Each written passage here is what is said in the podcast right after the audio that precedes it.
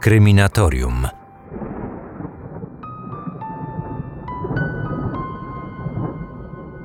W listopadzie 2017 roku Polską wstrząsnęło zabójstwo Leszka N. w centrum Legnicy. Porażająca była nie tylko brutalność sprawcy, ale i przypadkowość tamtego zdarzenia. Gdyby ofiara pojawiła się w centrum miasta minutę później, z pewnością nie doszłoby do tej tragedii. 65-letni mężczyzna został skatowany tylko dlatego, że znalazł się na drodze, którą szedł inny człowiek. To podcast Kryminatorium, a ja nazywam się Marcin Myszka. Dzień dobry. Ten odcinek jest dosyć wyjątkowy, bo to pierwszy materiał, który zrealizowaliśmy wspólnie z magazynem Detektyw. Z nowego numeru gazety wybrałem sprawę, która wywołała u mnie najwięcej emocji, najbardziej mnie zaciekawiła i w której dostrzegłem największy potencjał na przerobienie tekstu pod format mojego programu. Za chwilę posłuchacie tej historii w mojej kryminatoryjnej opowieści. Tekst, o którym mowa, nosi tytuł Furia w listopadowy poranek i jego autorem jest Tomasz Przemyski. W tym tygodniu pojawią się dwa odcinki Kryminatorium. W najbliższy czwartek możecie spodziewać się drugiego odcinka z serii Sprawa z magazynu Detektyw. Na końcu materiału zdradzę Wam o jakiej historii będziemy mówić, a teraz przenieśmy się już do wydarzeń sprzed czterech lat.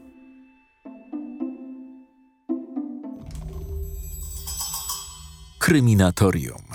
Sprawa z magazynu Detektyw.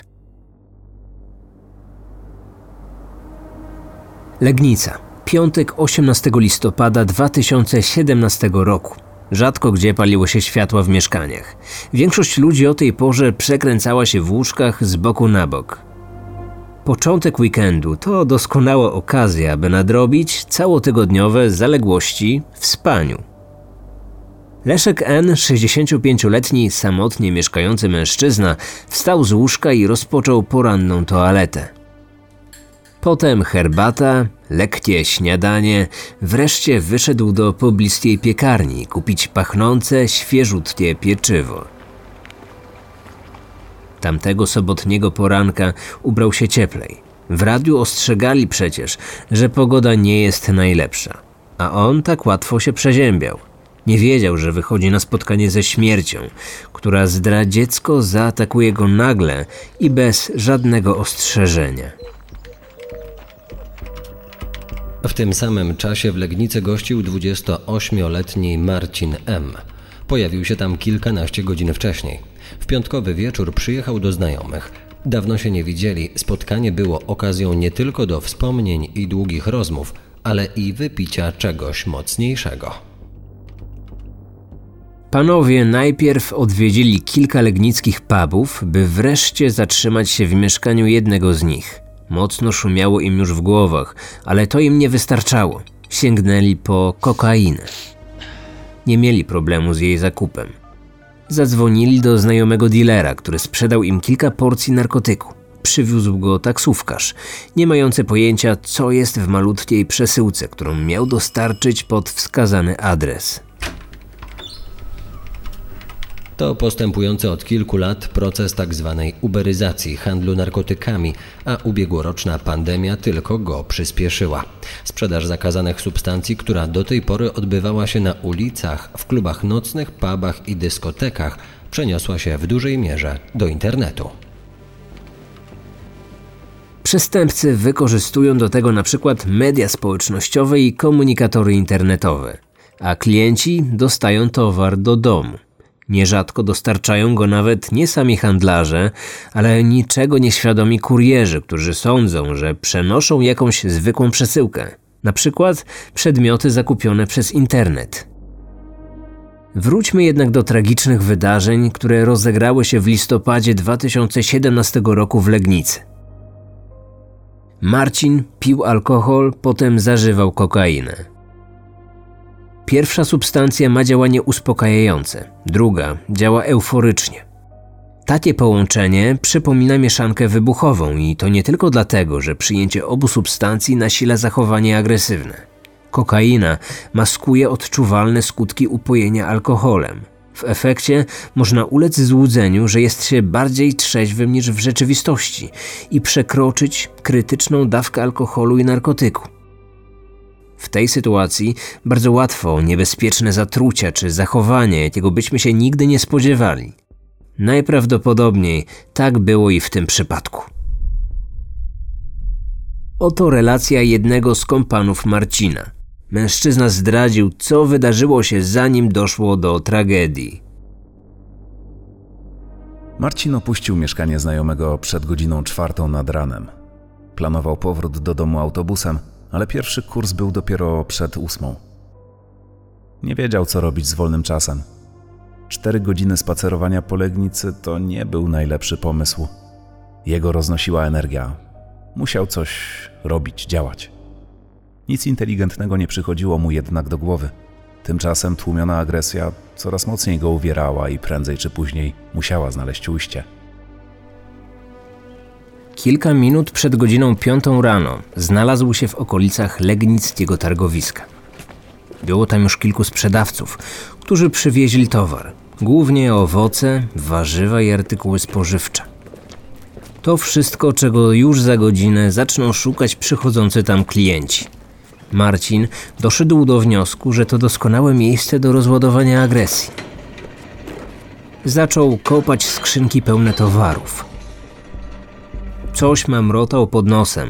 Dwa razy próbował zaczepić tamtejszych straganiarzy, ale ci nie dali się sprowokować. Kilku mężczyzn skutecznie przegoniło awanturnika. Wcześniej jedna ze sprzedawczyń powiadomiła policję o intruzie demolującym targowisko. Nieumundurowany patrol przyjechał bardzo szybko. Niestety Marcin M. zdążył uciec. Nie poszedł jednak daleko. Pojawił się na ulicy Chojnowskiej. Naprzeciwko niego szedł starszy mężczyzna, jak się potem okazało, 65-letni Leszek N. Panowie nigdy wcześniej się nie widzieli, nie spotkali, nie rozmawiali ze sobą. A jednak w momencie, kiedy mijali się na chodniku przy sklepie obuwniczym, stało się coś złego. Dwie, może trzy minuty później w tym miejscu pojawili się dwaj legniccy policjanci. Mieli nadzieję ująć mężczyznę, który parę minut wcześniej awanturował się na pobliskim targowisku. Z relacji kupców wynikało, że agresywny intruz odszedł w kierunku Chojnowskiej. Szybko go zauważyliśmy na pustej o tej porze ulicy. Stał w miejscu i coś kopał. W pierwszym momencie wydawało nam się, że kopie jakiś karton albo drewnianą skrzynkę. Dopiero gdy podeszliśmy bliżej, zdaliśmy sobie sprawę, że to leżący na betonowym chodniku człowiek. Wokół niego była kałuża krwi. Natychmiast podjęliśmy działania. To jednak nie uspokoiło napastnika, który z furią zadawał kolejne ciosy. W głowę, twarz, klatkę piersiową. Starszy mężczyzna nawet nie próbował się już osłaniać. Agresor opamiętał się, kiedy policjanci siłą odciągnęli go od ofiary. W późniejszym śledztwie ustalono przebieg zdarzenia. Zaatakował nagle i niespodziewanie nieznanego mu człowieka. Najpierw powalił go na ziemię silnym ciosem w twarz, a potem kopał w głowę i klatkę piersiową. Po pierwszym ataku odszedł kilka metrów, ale odwrócił się, podszedł do nieszczęśnika i znowu zaczął go katować. Kilkanaście sekund furii, odpoczynek i kolejna porcja ciosów i kopnięć. Na twarzy zaatakowanego mężczyzny szybko pojawiła się krew, ale nie uspokoiło to napastnika. On dalej kopał, a raczej masakrował przypadkowego mężczyznę. Doszło do uszkodzenia tkanek kostnych i ofiara straciła przytomność. Nawet wtedy Marcin nie zostawił go w spokoju. Dramatyczne zdarzenie nagrały kamery miejskiego monitoringu, dlatego nie było problemu z odtworzeniem każdego szczegółu tamtego dramatu. Sekcja zwłok wykazała, że bezpośrednią przyczyną śmierci Leszka N było zachłyśnięcie się krwią. Jako pierwsi pomocy udzielali mu policjanci, którzy odciągnęli pastwiącego się nad nim Marcina M. Ze względu na odniesione rany niemożliwe było zastosowanie sztucznego oddychania. Mogli jedynie ostrożnie naciskać klatkę piersiową.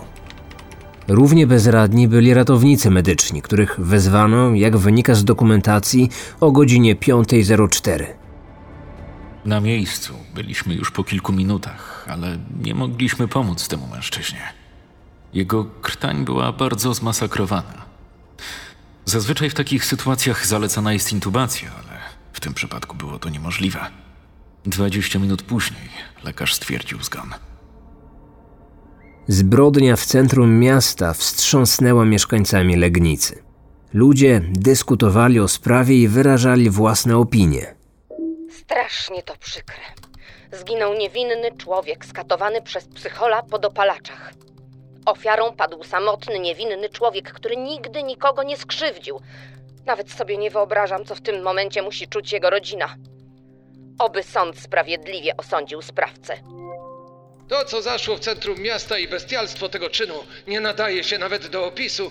Mam nadzieję, że ten zwyrodnialec zgnije w więzieniu. Kiedyś musiało do tego dojść. Naprzeciwko miejsca tragedii jest park. Co weekend dzieją się tam dantejskie sceny. Pijaństwo, burdy. Ludzie wielokrotnie powiadamiali Straż Miejską o Saigonie, który się tam odbywa, ale jakoś nikt nigdy nie zareagował. Środek miasta. Amelina Pijacka żyje swoim życiem z powodu braku kontroli ze strony odpowiednich służb. Może teraz to się zmieni. To tylko kilka łagodniejszych wpisów, które znalazły się na lokalnych forach w mediach społecznościowych. Co bardziej radykalni, postulowali przywrócenie kary śmierci, nie widząc dla sprawcy żadnych okoliczności łagodzących. Przekonywali, że za taką makabryczną, a jednocześnie trudną do zrozumienia zbrodnię, wyrok może być tylko jeden: śmierć za śmierć. Podczas przeszukania zatrzymanego mężczyzny w kieszeni jego kurtki znaleziono przedmiot, który zwrócił uwagę policjantów. Miał przy sobie bransoletkę podobną do różańca. Na czarnym rzemiennym pasku kilkanaście koralików ze srebrnym krzyżykiem. Gdyby to był różaniec, koralików powinno być 53. Tymczasem było ich 36. Sześć grup po sześć sztuk. Zapytaliśmy go, co to jest, a on wprost odparł, że różaniec szatana. Tłumaczył, że każdy może mieć przecież swojego Boga i różaniec służy mu do modlitwy. Z wyjaśnień składanych przez Marcina w śledztwie wynikało, że przynajmniej od kilku lat był czcicielem szatana. W Polsce nigdy nie prowadzono badań statystycznych nad satanizmem. Specjaliści zajmujący się tym problemem zdani są na półprawdy i domysły. Wyznawcy szatana najczęściej dewastują cmentarze, kościoły, znęcają się nad zwierzętami czy nawołują do samobójstw. Choć trzeba to również odnotować, w ostatnim ćwierćwieczu doszło do kilku zabójstw, których motywem było oddawanie czci szatanowi. Z drugiej jednak strony, z roku na rok przybywa w Polsce ludzi opętanych przez różnego rodzaju demony. Niemal we wszystkich diecezjach są księża, którzy specjalizują się w wypędzaniu szatana, chociaż psycholodzy przekonują, że to syzefowa praca, bo opętanie to nic innego jak rodzaj choroby psychicznej. Ćwierć wieku temu w Polsce nie było jeszcze żadnego egzorcysty. Obecnie jest ich już kilkuset, a ta liczba cały czas rośnie. A kto korzysta z pomocy kościelnych egzorcystów? Posłuchajcie cytatu z wypowiedzi, której kilka lat temu udzielił na łamach portalu kultura.trójmiasto.pl ksiądz profesor Andrzej Kowalczyk, najstarszy trójmiejski egzorcysta. Trafiają do nas różne przypadki. Dlatego najpierw przeprowadzony jest wywiad, aby odróżnić opętanie czy zniewolenie od choroby psychicznej. Przychodzą do nas ludzie z różnymi problemami. W poradni można skorzystać z pomocy księdza, psychologa i pedagoga. Dopiero gdy jesteśmy pewni, że człowieka opętał zły duch, zabieramy go na egzorcyzmy. Jak zaczyna się przygoda z takim złym duchem? Jak można wpaść w jego sidła? Jakie są objawy opętania? Kilka słów na ten temat zdradził z kolei ksiądz Andrzej Brzozowski, egzorcysta z województwa podlaskiego. Oto fragment cytatu zamieszczonego w fakcie. Zaczyna się zazwyczaj niewinnie.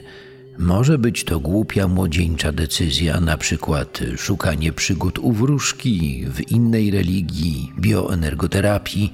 Czasami jest to lektura pism o demonach. A później nieoczekiwanie zaczynają się prawdziwe problemy. W każdym przypadku opętanie to inna, złożona historia. Każdy przypadek to także tajemnica, dlatego nie mogę o tym opowiadać. Mogę tylko zdradzić, że u osoby wierzącej pojawiają się kłopoty w modlitwie, w zwróceniu się do Boga. Ludzie opętani mogą źle czuć się w kościele, mają wstręt do modlitwy, schodzą na ścieżkę zła. Osoba opętana może zrobić coś strasznego, a potem sama się dziwić, że jest do tego zdolna. Nie zdaje sobie jeszcze sprawy, że jej życiem kieruje zły duch. W swojej pracy widziałem wiele cierpień ludzi, którzy przez ciekawość i niefrasobliwość związali się w jakiś sposób z szatanem, bo drażnienie go to droga jednokierunkowa. Wiele osób myśli, że może się wycofać z tej zabawy, kiedy chce, ale to nieprawda.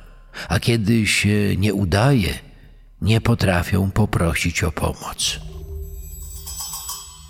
Kryminatorium. Sprawa z magazynu Detektyw.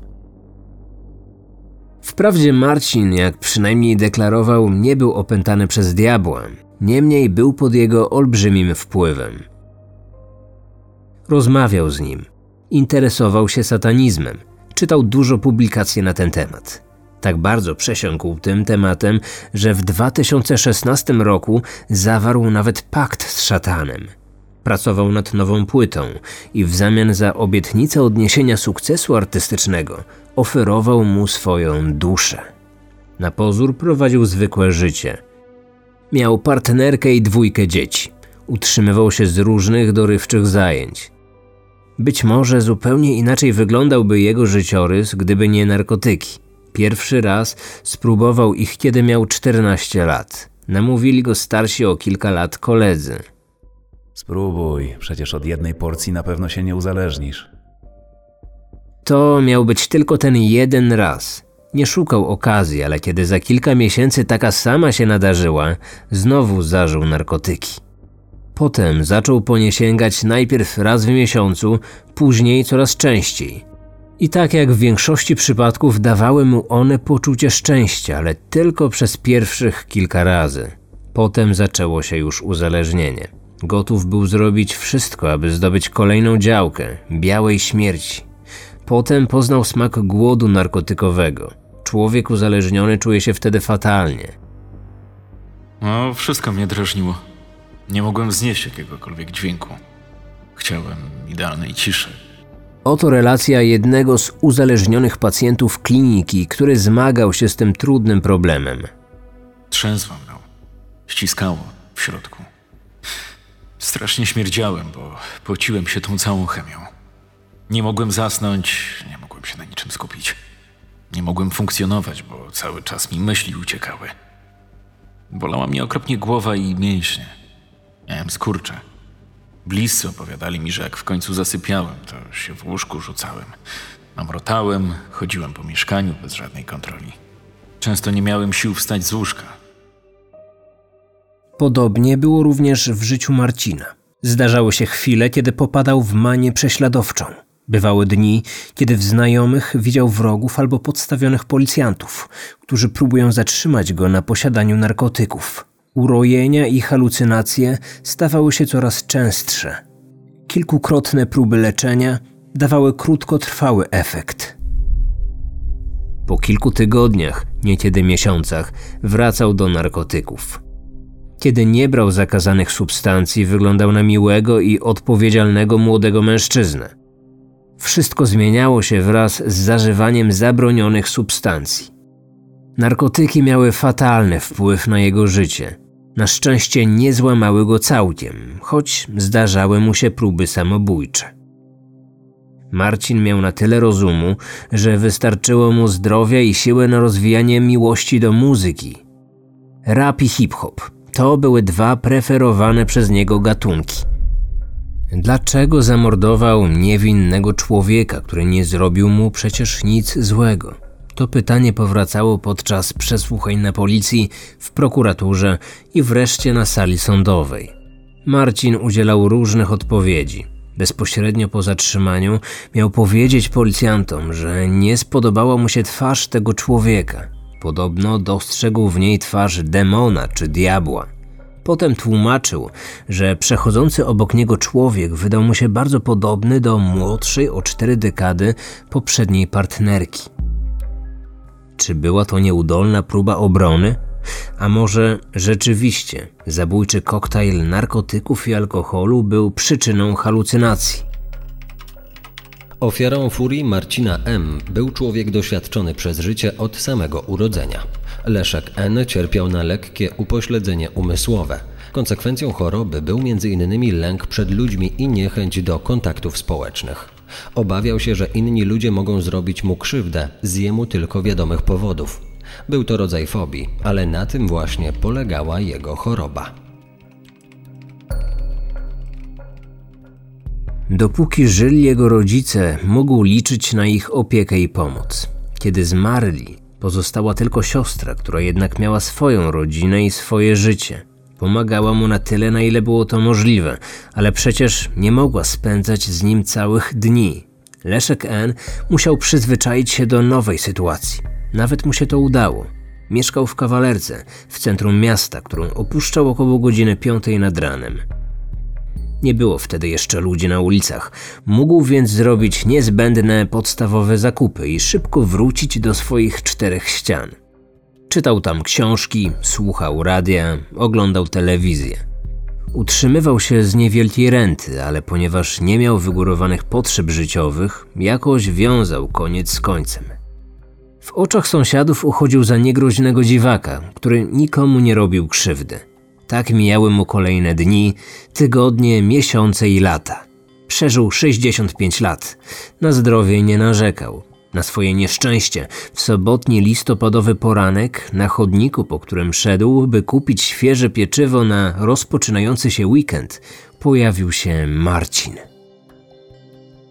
Biegli psycholodzy, a potem psychiatrzy nie mieli wątpliwości co do poczytalności sprawcy. Oskarżony w nieudolny sposób symulował chorobę psychiczną. Niezaprzeczalnym był fakt zażywania przez oskarżonego narkotyków, ale to w żaden sposób nie mogło wpływać na jego zdrowie psychiczne.